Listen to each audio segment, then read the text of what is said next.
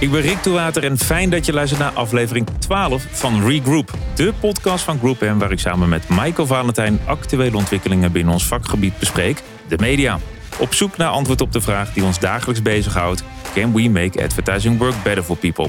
En in deze aflevering schrijft Director Global Solutions and Innovation Julia Ras van Group M bij ons aan tafel om de mogelijkheden binnen de gamingwereld te verkennen. Want gaming staat vaak hoog op de agenda bij onze adverteerders om er iets mee te doen, maar valt ook als eerste af zodra er budgetcuts zijn. Daar gaat Julia veranderingen brengen, want volgens haar is juist nu het moment om te adverteren binnen het game domein. Maar we beginnen met een nogal prikkelende voicemail van Raymond Buter. U heeft één extra lang voicemailbericht. Hey Rick, ik ben weer terug. En we zitten alweer in de laatste vier maanden van 2022. Jee, we gaan er snel. En de zomer is voorbij gevlogen. Heb genoten tijdens de vakantie. Maar vooral, het wordt een boeiende periode. Gaat ACM de aangekondigde te worden acquisitie tussen RTL en Talpa goedkeuren? En onder welke voorwaarden? Maar nog veel spannender, zet RTL dan door. Want Talpa ziet er inmiddels veel minder aantrekkelijker uit dan twee jaar geleden. Althans, dat is wat journalisten schrijven. En ik heb hem tijdens mijn vakantie natuurlijk veel gelezen. FD, Telegraaf schrijven er allemaal over. Wat koopt RTL? En ze geven onder andere aan dat het wellicht niet interessanter is om het niet te doen. Ik heb daar tijdens mijn vakantie over nagedacht. Want het lineair domein kent inderdaad een harde verval in kijktijd. Nieuwe streamingdiensten zijn gekomen en treden toe met nieuwe contentbudgetten. En dit najaar zullen Netflix en Disney advertising tiers gaan brengen. Althans, dat heb ik gelezen. Het aandeel van Talpen is fors gedaald en draait eigenlijk alleen op het succes van VI. En hebben ze nog de massa dat PSV zich niet gekwalificeerd heeft voor de Champions League en Feyenoord aan AZ meedoen aan de Conference League. Terwijl het ene na het andere schandaal wordt opgevolgd door het volgende. Ten slotte, en dat is denk ik het belangrijkste, het is nog eens onduidelijk welke radiostations na de nieuwe veiling tot RTL Talpa gaan behoren. En is RTL Board dan bereid om ook hier maximaal te veel te gaan investeren voor het behoud van vier nieuwe radiostations? Wat voegt Talpa toe aan Videoland? En kan je beter de investering niet aanwenden ten opzichte van nieuwe content op Videoland? En hoe ziet die markt er dan uit? Weten dat de koopkrachtontwikkeling voor de korte en middellange termijn niet gunstig is. En aan de andere kant, door de schaarse en lineaire kijktijd, de prijzen blijven stijgen. Zullen niet adverteerders op een andere manier naar spot gaan kijken? Er valt wat voor te zeggen het niet te doen. 100% te focussen op een digitale samenwerking met andere CTV-aanbieders, lokale contentpartijen en ISP's. Om zo de digitale addressable business hard te laten groeien. Al het andere is waste of energy. Laat DPG Talpa kopen. Wat ook niet gaat gebeuren, denk ik. Of laat het, of ga met Videoland en DPG snel strategisch samenwerken. Zo, dat heb ik gezegd. Einde bericht. Nou, dat was best prikkelend. Uh, ja, ik zit eigenlijk nog even spannend. gewoon. Nou, dit was prikkelend. Uh, um, ik wilde je eerst uh, welkom terug heten, Rick. Ja, welkom. Ja. Heb je een goede zomer gehad? Of dat mag ik eigenlijk niet meer vragen natuurlijk, want ik heb wel wat hints gezien op de app. Ja, nee, ja, ik zit vol in de verbouwing. Dus mijn zomer moet nog komen in de vorm van een herfstvakantie. Maar dat komt wel goed. Maar het is fijn om je te zien, want ik heb je wel ongelooflijk gemist. Ja, ik en jou ook. Je stem gemist. Gelukkig heb ik elf andere afleveringen de tijd gehad. Om dat heb jij dat ook gedaan? Ik heb ze allemaal teruggeluisterd. Pure weemoed, dat snap jij natuurlijk ook. Onze mooie bromance. Ja, onze bromance. vooral in stand houden. Uh, maar ja, hij was prikkelend, uh, onze Raymond. Ik ja. denk dat hij uh, de tijd had om op zijn klapstoel op de camping na te denken. En dat dit eruit kwam. Ja, er is natuurlijk een hoop gebeurd toen hij weg was. En ja, de mediawereld draait maar door wat dat betreft. Nou, hij is, hij is heel, heel, scherp. Ik laat ja. het ook even bij hem, deze observatie. Ehm, maar het is inderdaad een observatie die we op meerdere plekken in media voorbij horen komen. Is die fusie nog zo aantrekkelijk? Ja. dat is een terechte vraag. Ja. Um, ik denk dat, dat, dat die vraag ook gesteld mag worden. Maar zij, ja, ik denk dat we ook niet alles kunnen overzien. Dus dat is moeilijk om daar echt heel onafhankelijk advies over te geven, denk ik. Ja, Anders iedereen staat er hetzelfde in natuurlijk. Uh, met alles wat er gebeurt. Ja, iedereen zit nu te kijken van ja, wat is het nog aantrekkelijk? Gaat het gebeuren? Het is best spannend. Bak popcorn erbij en de komende maanden afwachten. Nou, het kan heel snel. Het kunnen uh, uren, dagen, uh, weken zijn. Het kan zijn dat als deze podcast live gaat, dat er inmiddels al wel. Oh, ik had het over maanden. Je hebt het al over uren en dagen. Ja. Nou, het kan inderdaad heel erg snel gaan uh, op dit moment. Ik denk dat wij vooral in onze rol heel goed bewust moeten zijn. Wat is de impact van welke keuze dan ook op onze klanten? En hoe kunnen we ze daar het best bij, bij helpen?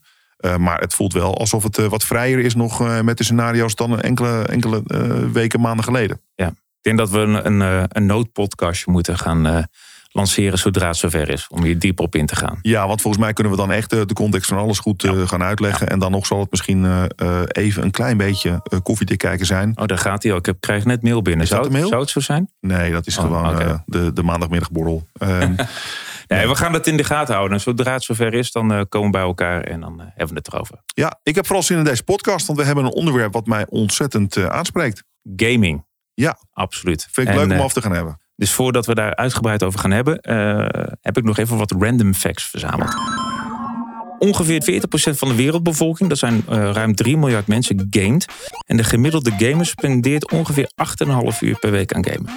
Ook al zijn er natuurlijk zat mensen die dat op één dag doen. 54% van de gamers wereldwijd identificeert zich als man en 46% als vrouw. Dus daar liggen gigantische kansen.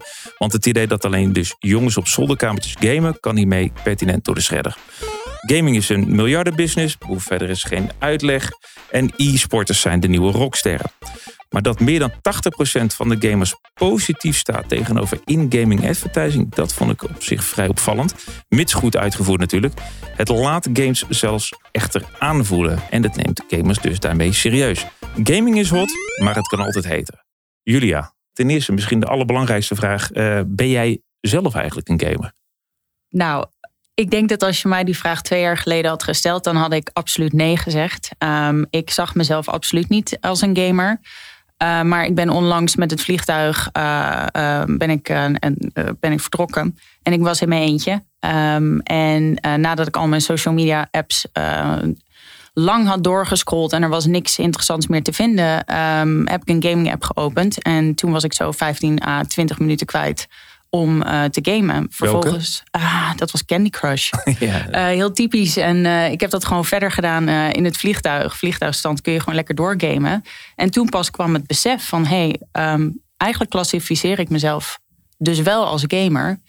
Um, maar het is niet zo gek dat ik de gedachte van... hé, hey, ik ben geen gamer, dat ik die had. Omdat 60% van de gamers realiseert zich niet dat zij een gamer zijn. Dus ik was een nee, maar ik ben nu een ja. Michael? Ja, van jou weten we het eigenlijk al, hè? Nou, toen we het net hierover hadden, zei Julia dat ze geen idee had. Was het helemaal nieuw voor haar. Uh, ja, ik ben al eigenlijk al... Um, ik ben uh, 46 jaar. Uh, en ik ben, uh, denk ik, daarvan wel ehm, nou, 35 jaar zeker in, in de games eh, altijd bezig geweest. Ja, ik heb op heel veel platformen gegamed. Um, maar ik durf wel serieus te zeggen dat ik wel een, een redelijk serieuze gamer ben. Wat is je favoriet? Ja, dat is toch meestal. Uh, het is een beetje uh, misschien een afgezaagde titel, maar het, hele Call of Duty uh, spectrum, dat gaat mij altijd wel goed af. En ik merk ook dat heel veel behendigheidsspellen. ik zou heel graag willen zeggen dat het FIFA is. want ik vind het gewoon leuk. En ik vind het ook leuk om ieder jaar die editie te kopen. En dan de nieuwe seizoenen te hebben, nieuwe spelers. En ik ben een enorme voetballiefhebber. Dus dat zou heel leuk zijn. Waren het niet dat ik gewoon structureel zo ongelooflijk ingemaakt word in die online omgeving. Het is niet te doen. Ik kan er echt helemaal niks van. Ik heb echt mijn skills uitgebreid. Al die combinatie moves geleerd in de afgelopen jaren. Maar elke keer als ik inlog, ik ga er gewoon met 10-0 af. En dan heb je zo'n mooi systeem. Hè? Dan kom je, standaard kom je dan in de achtste divisie kom je binnen online. En dan mag je proberen om naar die eerste divisie te komen. Um, maar wat er gebeurt er? Binnen no time zit ik in de tiende divisie. En dan win ik misschien nou, ergens nog eens een keer een wedstrijdje. Omdat er nog iemand van 46 ergens dacht, ik log in. Maar je wordt gewoon structureel gewoon afgemaakt in die wereld. Dus ik, ik doe dat wel, dan doe ik dat offline. En Call of Duty durf ik wel online uh, te zeggen dat ik een, uh, een hele goede streak aan winst heb. En hoe lang ben je ermee bezig dan? Hoeveel uurtjes per dag of per week? Nou, ik, ik, ik geloof niet dat ik extreem veel tijd uh, over heb om, om dat te doen. Maar ik heb een soort standaard routine gehad, heel lang. Zeker tijdens COVID. Dat ik om tien uur s avonds nog even inlogde. En dan eerst tussen tien en half twaalf, soms twaalf uur. Soms wel eens wat later. Soms kijken we wel eens, hé, hey, het is al twee uur. Uh, met een uh, groep uh, van mijn beste vrienden online zit. We hebben ook wel eens gewoon heel lang in het startscherm gezeten. En met z'n allen vooral bijgepraat over wat we allemaal kwijt wilden aan elkaar. En toen zeiden we na anderhalf, twee uur... zullen we ook eens een keer een potje opstarten. Het was eigenlijk hartstikke gezellig ook. Dus, maar ik las dat ook ergens in onderzoek... dat gamers wel worden gekwalificeerd als een van de meest sociale mensen. Daar heb ik niks op uh, tegen in te brengen. Maar ik ben vooral benieuwd ook of, of vind je jezelf een gamer? Ja, vind ik wel. Want het beeld dat er volgens mij bestaat bij een hele hoop adverteerders is dat uh, gamers vooral jonge mensen zijn. En dan met name hele jonge jongens. Die uh, met z'n allen schietspellen aan het doen zijn uh, op de zolderkamer bij hun ouders. Um, en ik denk dat dat een van de grootste misvattingen zijn. waaronder, als ik naar mezelf kijk, vooral dacht dat ik geen gamer was. Maar als je naar Nederland kijkt, zijn er volgens mij zo'n 7,8 miljoen gamers in Nederland. Waarvan volgens mij 43% uh, uh, vrouw is. Dus uh, dicht bij het Europese gemiddelde. Maar spelen die dan ook uh, schietspelletjes, om het zo maar te zeggen, wat jij net zei? Ja, moet stoppen met spelletjes. Dat... Oh, spel, nee, er zit iets onbarinerends okay. in hoe jij praat over spelletjes. Nee, ik ben zelf, ik ben zelf ook geen, uh, geen, uh, geen gamer, maar mijn, uh, mijn kids allemaal wel. Uh, maar, maar spelen vrouwen andere spellen dan nou. jongens, mannen? Want Roblox en Minecraft, ik geef tegenwoordig les aan een basketbalteam, die spelen allemaal hetzelfde. Ik denk dat dat varieert heel erg um, uh, qua interesse, maar ook wat de motivatie voor, voor mensen is om te gamen. Um, als jij uh, gewoon de tijd wil doden, zoals ik dat deed op het vliegveld, dan ga je voor makkelijke spelletjes, casual games. Um, want ze zijn snel, je kunt er veel winst uit behalen en dus heel snel plezier. Dus dat is check, check, check en dat is hartstikke leuk. Maar er zijn ook uh, vrouwen, waaronder mijn zusje bijvoorbeeld, die League of Legends speelt. Het is gewoon een heel ander type spel. Ik ken ook uh, dames die Call of Duty spelen. Schietspellen waarvan je niet meteen denkt van dat vinden vrouwen interessant. Dus um, de type gamer en dat schietspellen per se voor jongens zijn, dat is een hardnekkig stigma dat wij hier, um, dat, waar we nog steeds mee leven. En daar moeten we eigenlijk vanaf. Uh, vrouwen spelen gewoon dezelfde spelletjes die mannen spelen en vice versa. Ja. Maar waarom moeten we er vanaf? Kom even commercieel gezien. Uh, want, uh, het is een gemiste kans. Als jij als adverteerder alleen maar denkt in hokjes. Uh, als je denkt van goh, schietspellen, daar kan ik geen vrouwen bereiken. Dan mis je dus eigenlijk een hele grote kans om best wel dicht tot een consument te komen. Mensen die spelletjes spelen, die, die kiezen ervoor om hun tijd te besteden aan videogames. Ze zitten daar meestal met vrienden in. Ze vinden het leuk, ze leren ervan. Dus het is een omgeving waar ze plezier hebben. En als adverteerder wil je daar juist zijn, omdat er een positieve connotatie is. Um, dus het is gek als er dan gedacht wordt van. Nou ja, weet je, schietspellen en vrouwen, het gaat niet helemaal lekker samen. Uh, we, we passen wel en we gaan wel weer voor Instagram bijvoorbeeld. Maar Julia, even los van het een, ook schietspellen en merken, uh, vinden ze dat wel veilig? Ik zag een artikel door jou geschreven dat dat helemaal niet erg is. Zij identificeren dat merk helemaal niet met geweld of schieten. En, dat klopt. Ik denk dat gamers heel anders kijken naar het concept uh, game. Uh, een game, je moet er natuurlijk. Um, je moet natuurlijk onthouden dat een game is niet in één dag gebouwd. Daar gaan jaren soms overheen met gigantische teams van honderden mensen die een verhaallijn verzinnen, die uh, de software ontwikkelen voor een game. Er zijn designers, developers, zoveel mensen betrokken bij het maken van een game. En dat maakt een game ook interessant, want het verhaal, het verhaal dat is wat mensen zeg maar meesleept in zo'n game. Uh, je eigen succes zien in een game, dat is wat het zo, uh, nou ja, verslavend wil ik het niet noemen, want dan plak ik er weer een verkeerd label op. Maar dat is wat het zo interessant maakt voor een hele hoop mensen. Dat er geweld wordt gebruikt in games, dat voegt eigenlijk realiteitszin toe tot een game. Dat maakt het meer realistisch. En daardoor komen er ook steeds meer mensen die uh, dat spel willen spelen. Want het is echt een soort van weergave van, van wat het zou kunnen zijn. Uh, dus je wordt erin meegesleept. En ik denk dat uh, de misvatting van een hele hoop merken is, is dat het verkeerd is om in aanraking met geweld te komen. Um, een goede tool die je kan gebruiken om te klassificeren of geweld slecht is voor jouw merk, is bijvoorbeeld te kijken naar het GARM framework. Het GARM framework is van de Global Alliance for Responsible Media. En dat is een tool die uh, content klassificeert in bepaalde categorieën. Is iets slecht voor een merk en willen wij als adverteerders zorgen dat we uh, uh, geen slechte content gaan monetiseren, dan moeten we dat dus gaan klassificeren. en zij doen dat op een schaal van low risk tot high risk. En gaming wordt over het algemeen geclassificeerd als medium risk. Wat eigenlijk inhoudt dat je moet nadenken over de context van een game. In welke context speelt een scène in een game zich af? Is dat uh, onder uh, educationele uh, context bijvoorbeeld? Wat inhoudt dat als je een, een battlefield game hebt of je hebt een slagveld of en daar wordt geweld gebruikt, je ziet wat bloed, um, nou ja, misschien worden er wat mensen neergeschoten dan uh, is dat misschien om een scène te beschrijven, misschien om wat geschiedenis uit te leggen. Dan is dat dus uh, van waarde voor de game om het verhaal te vertellen. Als het in zo'n scène plaatsvindt, dan wordt het geclassificeerd als low risk. Dan betekent dat voor een adverteerder van hey, je monetiseert geen gewelddadige content waar eigenlijk geen verhaal achter zit. Aan de andere kant van de medaille, als het high risk is, dan is het content waar uh, geweld verheerlijkt kan worden. Uh, dan ga je bijvoorbeeld kijken naar uh, seksuele intimidatie en waar een bepaald genot aan vastgebonden zit vanuit karakters van een game. Dat is natuurlijk niet goed en daar wil je niet mee in aanraking komen. Dus het belangrijkste voor een merk is en voor een marketeer is om te bedenken van wat is de context van een, een spel en het geweld dat erin plaatsvindt en wat is mijn tolerantie naar het risico om uh, in aanraking te komen met dat geweld. Maar dan heb je het over de categorie, hè? De gaming in de, in de medium categorie. Um, op titelniveau is dat natuurlijk enorm uh, verschillend. Want ik denk dat er op um, de, de meeste voorbeelden wordt toch ook vaak wel GTA aangehaald. Hè? Um, wat, waar wel geweld verheerlijkt wordt.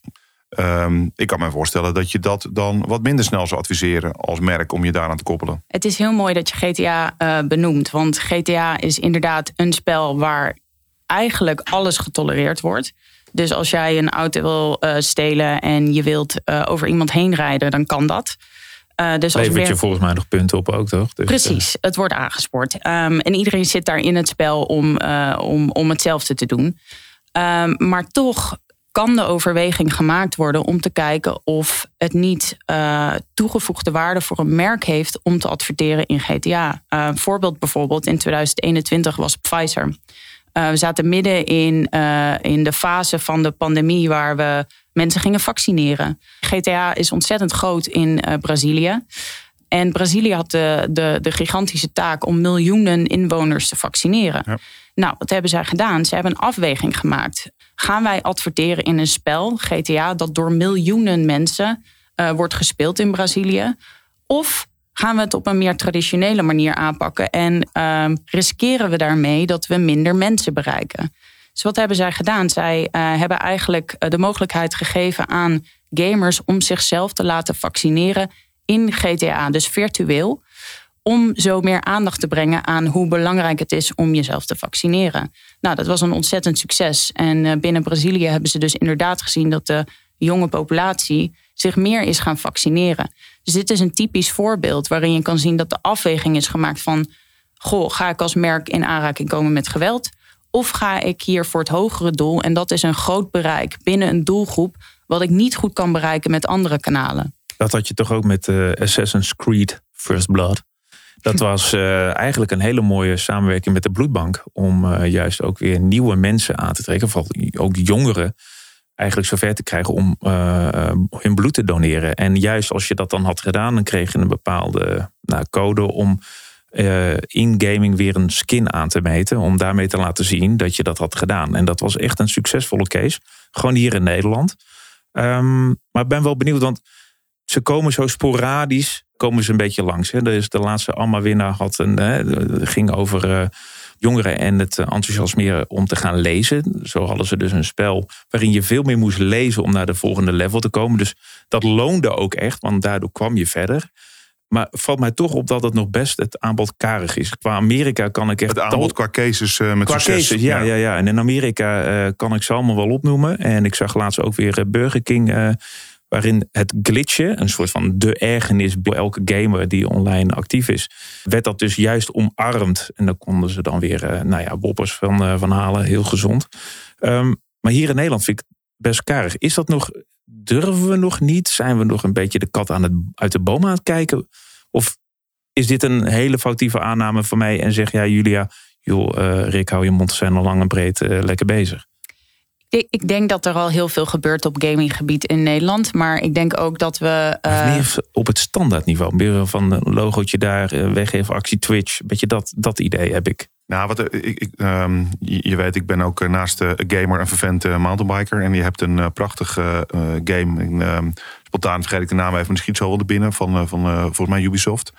waarin je kan snowboarden, skiën, mountainbiken, weet ik veel wat, of een berg af kan springen. En dat, eh, die game is aan alle kanten in de basis al gefund door uh, de bekende merken die, uh, die snowboards uh, spullen leveren, die mountainbikes leveren. En in de kern zijn zij gewoon onderdeel geweest om dit te ontwikkelen. Ook Red Bull zit daar fanatiek in. want je hebt de grote Red Bull events. Ja, wil je het credible maken, dan heb je Red Bull nodig in dat event. Ja, want absoluut. die zijn namelijk owner van het, van het domein. En je ziet hoe, hoe natuurlijk die merken erin verwerkt zijn. Ja, Ford zit erin. Uh, het is wat minder uh, natuurlijk. Maar dan kan je dus, als je ergens heen gaat, overal staan forts geparkeerd in de game. Uh, en pas als je wat langer erin zit, gaat je dat opvallen.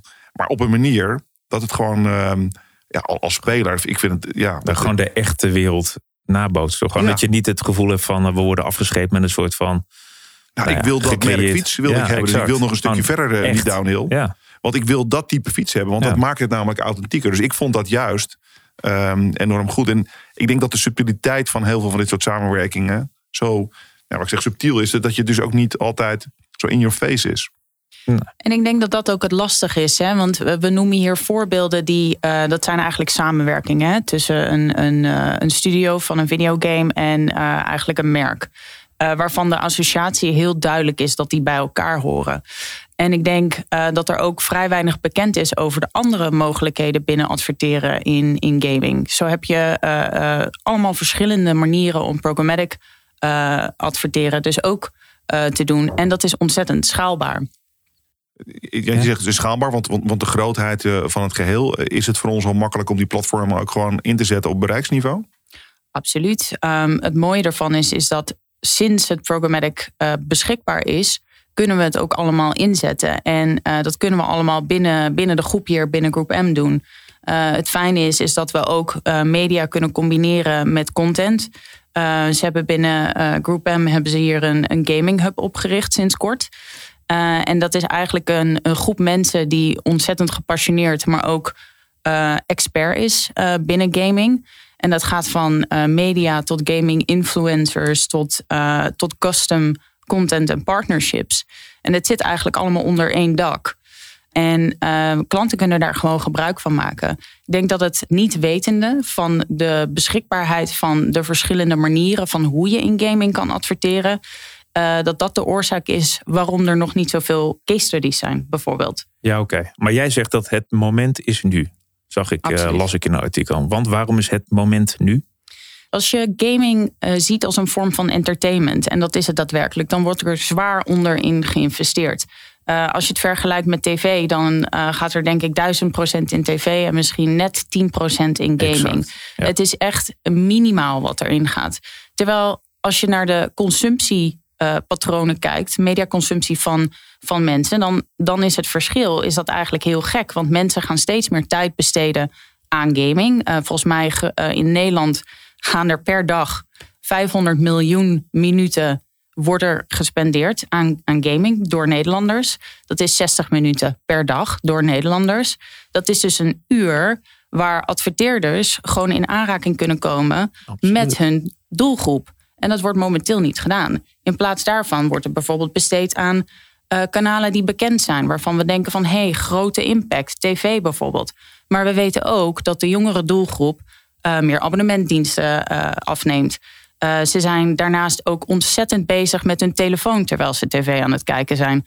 Uit onderzoek van Activision Blizzard Media is gebleken dat nou ja, 85% van de mensen die tv kijkt ook een tweede device in hun handen heeft. Dat is vaak een mobiel of een tablet. Vanuit gamers is dat zelfs 91%. En dat is allemaal niet nieuw, dat wisten we eigenlijk allemaal al. Maar de activiteit die ze dan doen, is niet uh, scrollen door Instagram of iets anders. Nee, het is gaming. Um, en daarnaast is 60% van de mensen die tv kijkt, heeft eigenlijk niet eens zin om een ad te zien. Dus voor adverteerders is het een enorme kans om gewoon tijdens dat moment dat ze tv aan het kijken zijn, ook te investeren in gaming. Of in plaats van tv te investeren in gaming. Want dat is het moment dat de, eh, de aandacht naar games gaat. En zegt hier gewoon heel duidelijk een enorme onderwaardering voor het medium. En een overwaardering voor het eh, medium tv. Dat is ook duidelijk uit je betoog. Um, is er nou een soort droomcase met een, uh, met een platform en een merk of een type merk waar jij zegt, nou dat, daar zou ik in de komende jaren nog heel graag een keer mijn handtekening onder willen zetten. Daar, daaraan heb mogen meewerken. Nou ja, um, Ford werd natuurlijk al een beetje genoemd. Ford is een, uh, een merk dat uh, eigenlijk al best wel bezig is met gaming. Uh, ze hebben een eigen e-sports team, Fordzilla. Um, maar nice. ja, zeker. Maar ze zijn nog niet zozeer bezig met het schaalbare binnen, binnen, binnen game. Dus ze zijn nog niet bezig met programmatic media. Terwijl als je kijkt naar Ford, Ford is echt een merk dat zich uh, wil transformeren in een uh, lifestyle merk. Dus het is niet een product dat je koopt. Nee, het is iets waar ja, jij je. Red Bull. Precies. Dus het is iets waar jij je, ehm, ehm, je, je auto, je gaat ermee op vakantie, je gaat ermee naar werk, je, je vervoert je kinderen ermee. Het is echt een tool, zeg maar, waarin je je leven, zeg maar, eh, toch een deel eh, spendeert. Dus als je Ford kan gebruiken als, eh, als voorbeeld, als een merk dat een hele gamingstrategie opzet, dan zou ik, ik zou daarvoor willen tekenen. Dat zou een ontzettend mooie uitdaging zijn. Ja, nou, ik heb ook wel het idee dat die uitdaging ergens makkelijker wordt als je het hebt over de, de versnippering van de gamingwereld. Want daar is natuurlijk ook veel aan de hand. Het, uh, uh, vroeger was het zo dat er uh, nou ja, in een jaar zeg maar 100 spellen uitkwamen. Het aantal spellen dat uitkomt is natuurlijk veel kleiner aan het worden. Um, er zijn grotere IP's. dus ik neem aan dat wat jij zegt ook gaat gebeuren. Er komt ook meer schaal in op deze manier. Er is al heel veel schaal. Um, het klopt wat je zegt van uh, het aantal grote games dat per jaar geproduceerd wordt, dat neemt heel erg af. Hè. We hebben ook in de, in de pandemie gezien uh, dat heel veel studio's problemen hadden met het leveren van, uh, van nieuwe content. en dat laat op zich wachten. Maar ondertussen heb je toch ook weer die casual games, die makkelijke, heel erg entertainment-achtige games, die worden op volle schaal worden die geproduceerd. Um, en wat je ziet is dat het gewoon, ze hebben zo'n grote customer base. Er zijn zoveel mensen die die spelletjes spelen. En dat wordt heel erg onderschat. Je kijkt naar een, uh, een, Roblox bijvoorbeeld. En ja, er zijn heel veel kinderen die dat spelen. Um, miljoenen. Maar dat zijn niet de ouders die, uh, die jij per se uh, target. Het zijn niet de, de influencers binnen het gezin die de boodschappen doen die zijn uh, op een mobiel bezig en die zijn de casual games aan het spelen.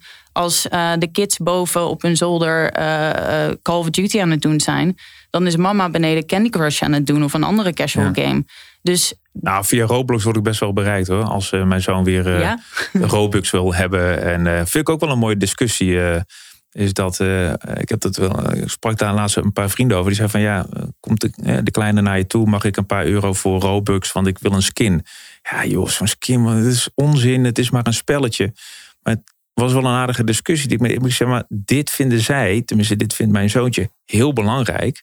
Om voor een paar euro, wat ik ook aan de voetbalplaatjes had kunnen uitgeven in mijn tijd. Dan had je een vol panini boek maar ik zeg maar, dit vindt hij, hier ontleed een bepaalde waarde, identiteit aan. En dan kan hij laten zien uh, hoe tof zijn karakter is. Terwijl het voegt niks toe aan het karakter. Krijgt daar geen superpowers mee, maar hooguit een bandana en een korte broek en een paar slippers.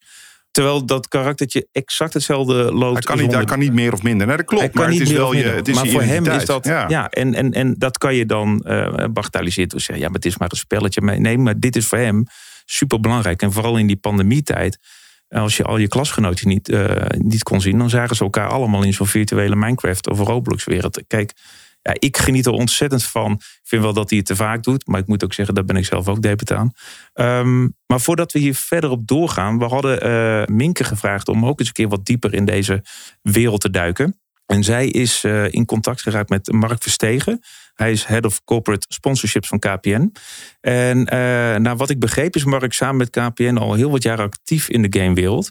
En Minke ging bij hem langs, net na het WK FIFA in Kopenhagen. Want uh, KPN is namelijk launching partner van het i-Oranje team. Oftewel het digitale Nederlands elftal, om het zo maar te zeggen. En ik ben heel benieuwd wat hem dat nou allemaal brengt. Vandaag zit ik hier met Mark Verstegen. Mark, wie ben jij? Ik ben Mark Versteeg. Ik ben uh, bij KPN verantwoordelijk voor, uh, voor de sponsoring. En dat doe ik met heel veel plezier, al meer dan twaalf jaar. We zijn sponsor van uh, het voetbal in de volle breedte. we zijn hoofdsponsor van het Rijksmuseum in de culturele sector. En we hebben een maatschappelijk fonds, het KPN Mooiste Contactfonds... waarbij we strijden tegen eenzaamheid en kwetsbare groepen helpen. Nou, en dat alles dat mag ik mooi begeleiden in een heel leuk team. Dus dat is wat ik doe. Ik woon in Bussum en ik heb een zoon van 15.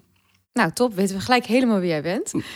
Um, al gelijk terugkomend op het eerste wat je eigenlijk noemde over jouw uh, functie binnen KPN, is dat jullie uh, voetbal sponsoren in de breedste zin. Ja. Nou zagen wij laatst voorbij komen dat er een FIFA-toernooi was in Kopenhagen, waar jullie ook bij aanwezig waren. Ja. Hoe was het? Ja, dat was ja, dat is kijk ja, ja voetbal is natuurlijk uh, spelers op een veld in het amateurvoetbal tot en met het Nederlands elftal. Maar er is ook iets dat heet e-voetbal. Uh, en dat, uh, ja, dat is voor KPN natuurlijk zeer interessant, omdat het daar gaat over snelle verbindingen en betrouwbare verbindingen. Ja, spelers uit de hele wereld, uh, ja, even uit mijn hoofd geloof ik iets van 50 landen kwamen om eh, eh, tegen elkaar te spelen eh, in, in het FIFA-spel. Ja. En dat is dus, ja, die spelen eigenlijk precies hetzelfde als in het echte voetbal. Dus het is fascinerend om naar te kijken. FIFA is natuurlijk voor mij een beetje ver van mijn bedshow. Ik heb dat eerlijk gezegd nooit gespeeld. Bij Mario Kart op de Wii hield het bij mij echt op. Maar hoe ontstaat zoiets? Hoe besluit je dat je sponsor wordt van een e-sport? eh? Nou, wij hebben, wij, wij hebben, wij hebben heel lang hebben, waren we sponsor van het schaatsen. Ehm, en op een gegeven moment hebben we de stap gemaakt naar het hoofdsponsorschap van de Eredivisie eh, binnen KPN. En we zijn partner geworden van de KNVB. Ehm, en dat loopt tot en met het Nederlandse elftal en de Oranje Leeuwinnen. Maar er is ook een hele snelle en, en, en grote ontwikkeling aan de gang. En dat is dat steeds meer jongeren, naast dat ze eh, op het veld staan, ook aan het gamen zijn. En wij hebben ervoor gekozen om eh, aan te haken bij alles wat eh, e-voetbal is. En daarmee zijn we dus partner geworden van de zo, zogenaamde KPN-I-divisie.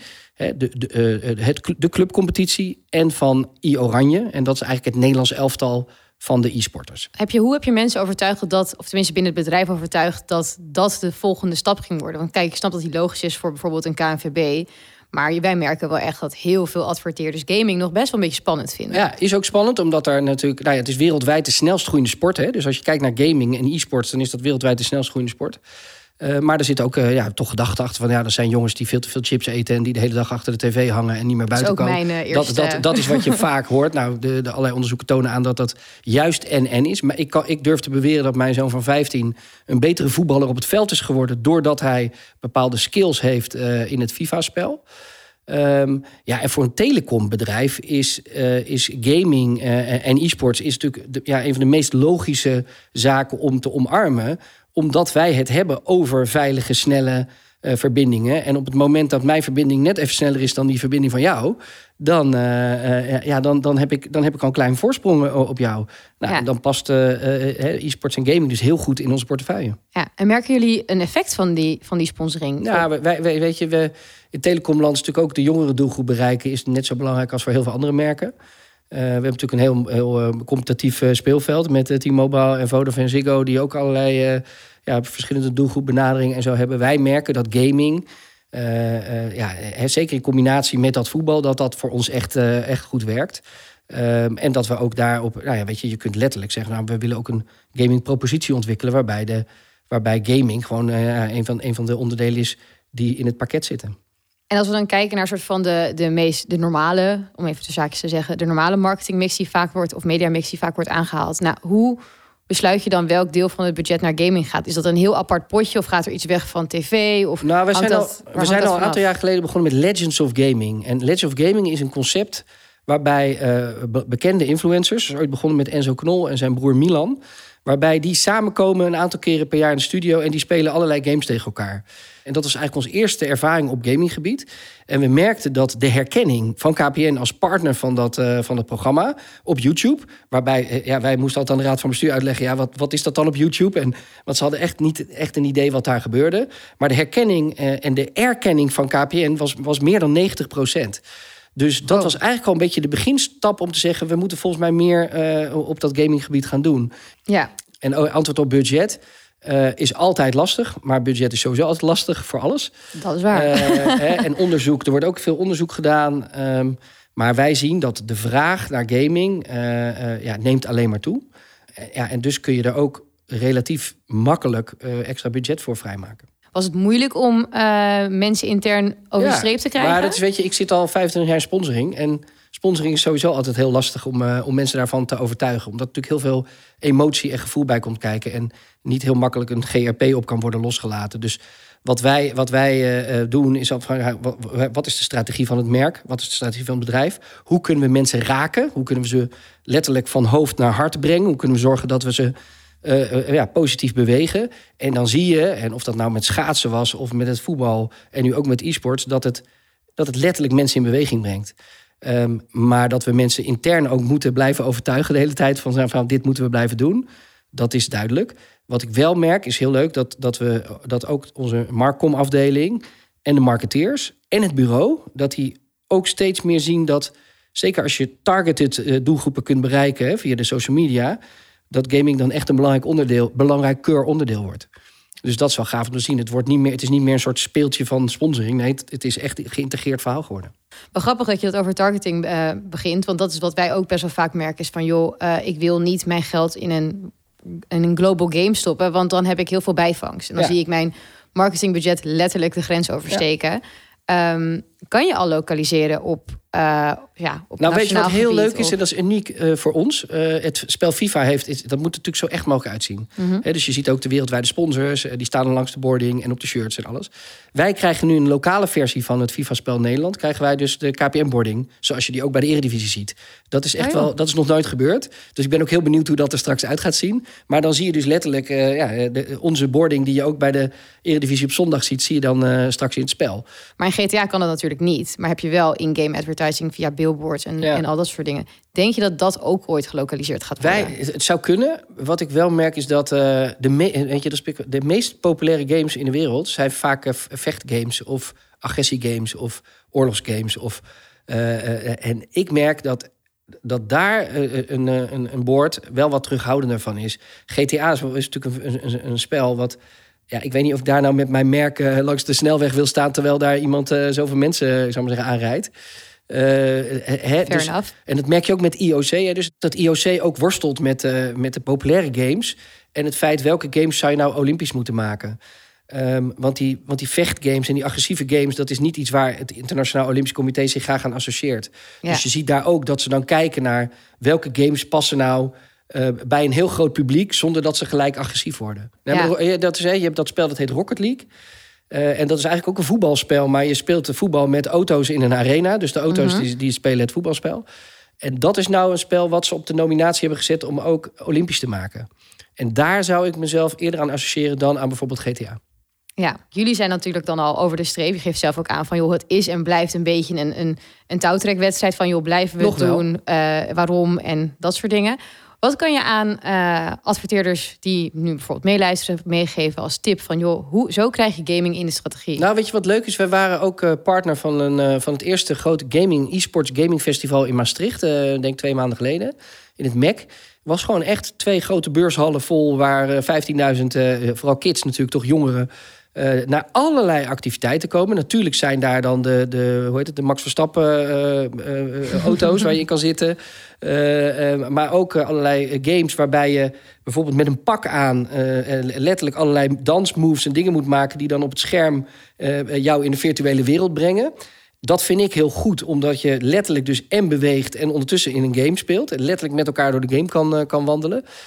Ik denk dat het voor steeds meer bedrijven een hele mooie eh, eh, omgeving is om, eh, om actief in te zijn. Ten eerste, nou ja, omdat die jeugd eigenlijk niks anders meer doet. Hè, dus ze zijn daar heel druk mee. En ten tweede, het is echt onderscheidend weer van een heleboel dingen die we al op mediagebied doen. Dus ja, ik verwacht wel dat de komende jaren alleen maar door blijft groeien. Super bedankt dat je hier was. Wat, ja, meestal geef ik eh, een boodschap mee doe jij Rick. maar dan, joh. Ja, ja, nee, nee. Ik ben eigenlijk Ja. wel benieuwd eh, wat voor boodschap jij graag mee zou willen geven. Nou ja, ik denk dat de luisteraars dat eh, he- het overwegen om actief te worden met, je, met je merk of vanuit bureaus om daar meer mee te gaan doen in gaming en e-sports is, is denk ik een hele logische route. Zoek Mhm. wel naar nou ja, echt dingen die bij je passen. Weet je, want het moet niet alleen maar weer zo'n soort zo'n logo-plakkerij worden, want dat, daar hebben we niet zoveel aan met z'n allen. Het moet wel logisch zijn. En ik kan voor KPN spreken, weet je, ja, als je gaat over verbindingen en connectivity, dan is, een, dan is in gaming is, eh, is dat ongeveer het belangrijkste. Dus wij zitten daar wat dat betreft goed. Nou, top. Dankjewel. Ik hoop dat, eh, dat, dat ze er wat mee kunnen. Graag gedaan. Het lijkt wel of jullie elkaar eh, van tevoren even gebeld hadden, Julia. Als ik hoor hoe Mark en jij op één lijn zitten. Mark stelt niet teleur. Eh, zeker niet. Zeker Nee. Ik denk dat Mark en ik goed kunnen praten. Nou, wat ik heel gaaf vind, is, eh, is hoe eh, hij in zijn introductie al gaming op een eh, dermate volwassen niveau benadert. Eh, als je kijkt naar wat voor de kunst en cultuur en sport KPN heeft omarmd de afgelopen jaren. En hoe naadloos hij daar gaming voor de, of inwisselt voor iets anders of erbij zet. Ehm, nou, daar kan ik niet anders dan ongelooflijk veel respect voor hebben. Ja. Want dat is niet aan heel veel merken, denk ik, eh, nog gegeven. En Nee. 12 jaar actief, hè? Laten we dat niet vergeten. Het is niet eh, dat er iemand eh, van we moeten iets met gaming en ik ben de afgelopen drie jaar voor KPN. Nee, 12 jaar lang actief.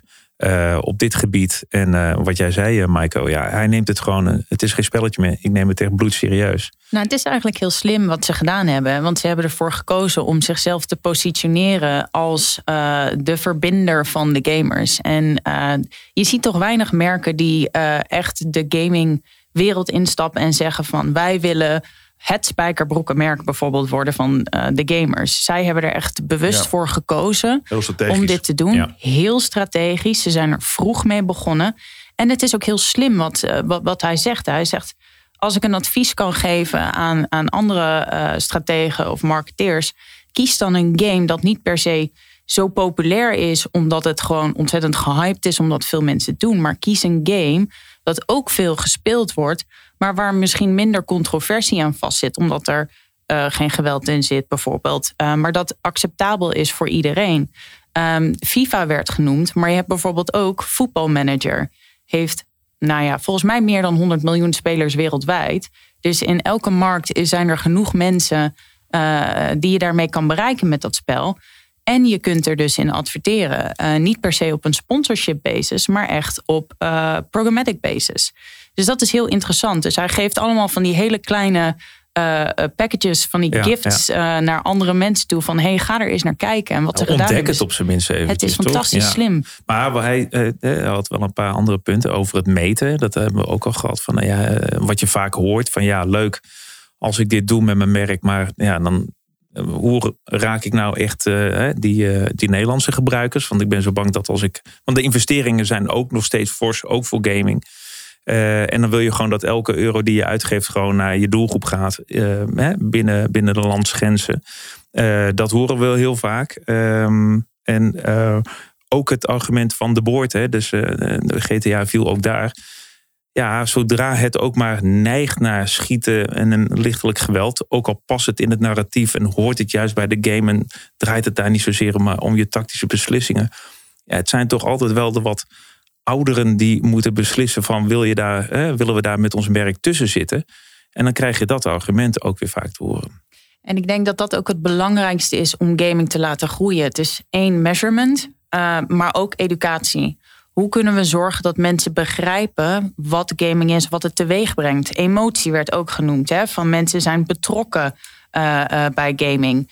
En dat is heel belangrijk dat we daar eh, tijd aan spenderen. Gewoon als, eh, als agencies, als eh, trading agencies, kunnen we klanten uitleggen hoe gaming werkt en welke opties ze hebben qua measurement, hoe kunnen we aantonen dat er een return of investment is voor gaming? En wat dat betreft, ehm, kijk, het, het gaming werd vergeleken met sponsorship, wat natuurlijk ook waar is. Maar als je gaming vergelijkt met mobiel adverteren, uh, wat, wat tot tien jaar geleden eigenlijk uh, nog niet zo heel groot was. En iedereen riep elk jaar wel van: hey, dit wordt het jaar van, van mobiel, maar het kwam maar niet ondanks dat iedereen ondertussen een mobiel had, dat HTML5 werd geïntroduceerd, dat je echt haarscherpe content op je mobiel had. Het ging niet van de grond af. Totdat uh, de IAB en de MRC uh, guidelines gingen creëren, frameworks gingen maken. Sorry, om te bepalen. afkortingen, wat, wat zijn dat? Oh, dit is heel erg. Ik weet de, ik weet, ik weet de volle Oh. namen niet eens. Maar dat Ik zijn eh, onafhankelijke partijen die dus onderzoek doen. En die ehm, eigenlijk eh, nou ja, guidelines creëren voor eh, de media-industrie. Mhm. En waar er eigenlijk een waarheid aan wordt genoteerd. Dus het is een industriestandaard. Ehm, en zij hebben voor mobiel hebben zij dus die standaarden gemaakt. En die standaarden hebben bepaald dat we eigenlijk konden meten van is mijn, eh, is mijn advertentie of is mijn campagne is die succesvol geweest. En alleen op dat moment ging mobiel groeien met Ja, het inbouwen van zekerheden en eh, Juist. vertrouwen.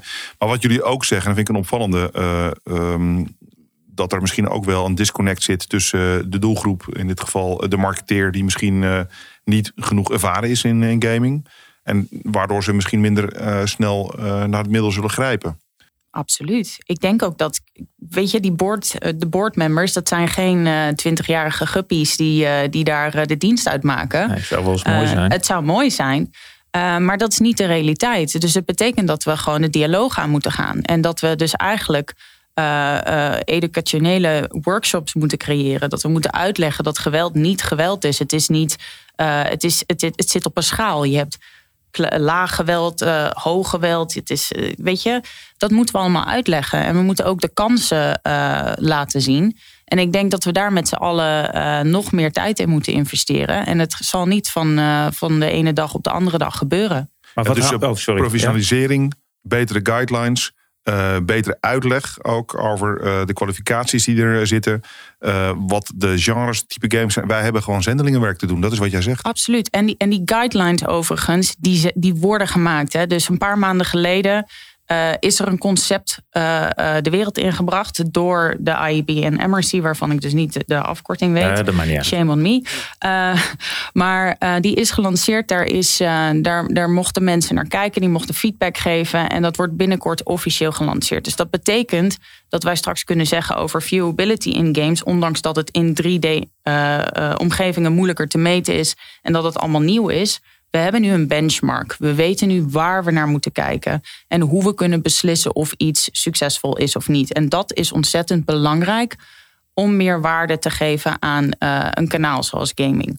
Dat is eigenlijk de grote drempel eh, waar we overheen moeten. Ja. Al- Als die weggenomen wordt, dan eh, zie ik eigenlijk ook niet anders dan dat gaming gewoon een vast plekje krijgt tussen dus de media, marketing, ABC, die we normaal gesproken altijd hanteren. Dus van een stukje tv, een beetje radio, beetje online, social. Maar gaming, ja, eh, zou eigenlijk een hele basis logische worden. Het Ja. kan misschien wel de basis eh, vormen. En dat je alle andere media dat aanvullend bereik Ja. eh, daar vandaan komt. Ook als je kijkt naar awards, steeds meer zie ik ook dat dat, als je iets met gaming doet, dat dat ook steeds vaker in ieder geval een nominatie krijgt. Los van of dat ook een prijs oplevert. Maar je ziet dat het steeds interessanter wordt. Het heeft gek genoeg, is het een no-brainer, maar het heeft ook een beetje lef nodig, denk ik, bij een werk om het gewoon te doen. Het is ook niet heel gek. Hè? Eh, we hebben eh, programmatic eh, case studies bijvoorbeeld van, van mijn collega's in Londen, die bijvoorbeeld voor Subway hebben gewerkt. En die hebben allemaal verschillende formaten ingezet. Dus ze hebben ook in-game ads, dus de 3D-ads in games hebben ze ingezet, toevallig in voetbalmanager. Ehm, en daar hebben ze brandlift studies bij gedaan. Dat doen ze dan door middel van eye Eh, dan gaan ze op het moment dat iemand een spelletje aan het spelen is, dan volgen ze de beweging van de ogen om te kijken waar mensen aandacht aan besteden. En wat ze zien is dat mensen ontzettend veel aandacht besteden aan de ads die geserveerd worden in zo'n game. Dus 48% van de mensen herkenden een merk dat in een game werd afgespeeld. Ehm, daarnaast is de affiniteit met een merk dat adverteert in gaming veel hoger. Eh, voor Subway was dat 39% hoger eh, tegenover de controlegroep. Een andere campagne die ze gedraaid hebben hier in Nederland was eh, een minigame. Een minigame is eigenlijk een branded spelletje. Superleuk. Subway had Pac-Man nagebootst. En die hebben ze programmatic geserveerd. Ze zagen dat mensen negen minuten lang bezig waren in zo'n spelletje. Ja. Als je dat, en nou zeg ik zelf spelletje, videogame. Het is een casual game, dus eh, misschien Oh ja. eh, vandaar een spelletje. Maar als je dat vergelijkt met eh, normale display-uitingen... Daar, daar mag je van geluk spreken als het meer dan drie seconden is... dat mensen daar aandacht aan besteden. Dus als je, als je kijkt naar de resultaten... ehm, dan, dan zijn die gigantisch. En dus is Maar het pleidooi om er nou wat mee te gaan doen, is Om er nu iets al mee te gemaakt. doen. En wat ik ook al net eh, schetste in de introductie hiervan, is dat gewoon meer dan 80%, 84% vindt het ook helemaal niet erg. Hè, mits het relevant natuurlijk in gaming eh, gebracht wordt. Maar ze zijn helemaal niet vies van advertising. En kennen er ook veel meer waarde aan toe. En vinden het ook eigenlijk tof dat merken dus hun wereld serieus neemt. En daarin volledig actief zijn. En dan, is- ga, en dan moet je dus nagaan wat daar allemaal nog uit kan komen met... eh, wil je dit product kopen, eh, e-commerce, mijn hemel zeggen. Precies. En eh, vaak met, ad- met adverteren in games is het ook zo. Ehm, als je kijkt naar rewarded ads, dat is incentivized. Dus mensen hebben de keuze om een ad te zien. En dan al, alleen al om de controle bij de consument neer te leggen, geeft al een positiever gevoel dan als je zeg maar een pre-roll zo door je strot geduwd krijgt, Ja. om het zo maar te zeggen. Famous last words. Ja, ik ben heel trots eh, op eh, het verhaal dat jij vertelde. Want eh, je bent natuurlijk in de Nederlandse operatie. zit jij hier met enige regelmaat? Je bent onderdeel van ons netwerk. winnaar. en, en onderschat het niet van de AdTech Rising Star Award. Wereldwijd. Onderdeel van het internationale netwerk. waarbij jij de innovatierol pakt. Ehm, en ik vind het heel gaaf dat, dat je zo lekker Hollands bij ons vandaag was. En met ons over dit fantastische medium hebt mogen eh, sparren. Uiteraard, ik vond het hartstikke leuk. Ik zou eigenlijk willen zeggen, schuif nog een keertje aan. Heel Want ik, graag. ik denk dat dit onderwerp nog lang niet eh, uitgesproken is. We moeten hier nog... Nou, dit wordt zeker iets wat eh, vaker Ja. terugkomt. En Ja. ik denk dat we aan de vooravond staan van grote stappen op het eh, gaming eh, domein. En eh, ik denk dat wij een beetje hulp nodig hebben van jou om ons hier doorheen te loodsen. Ik ben er. Dank je. Dank jullie wel. Game over.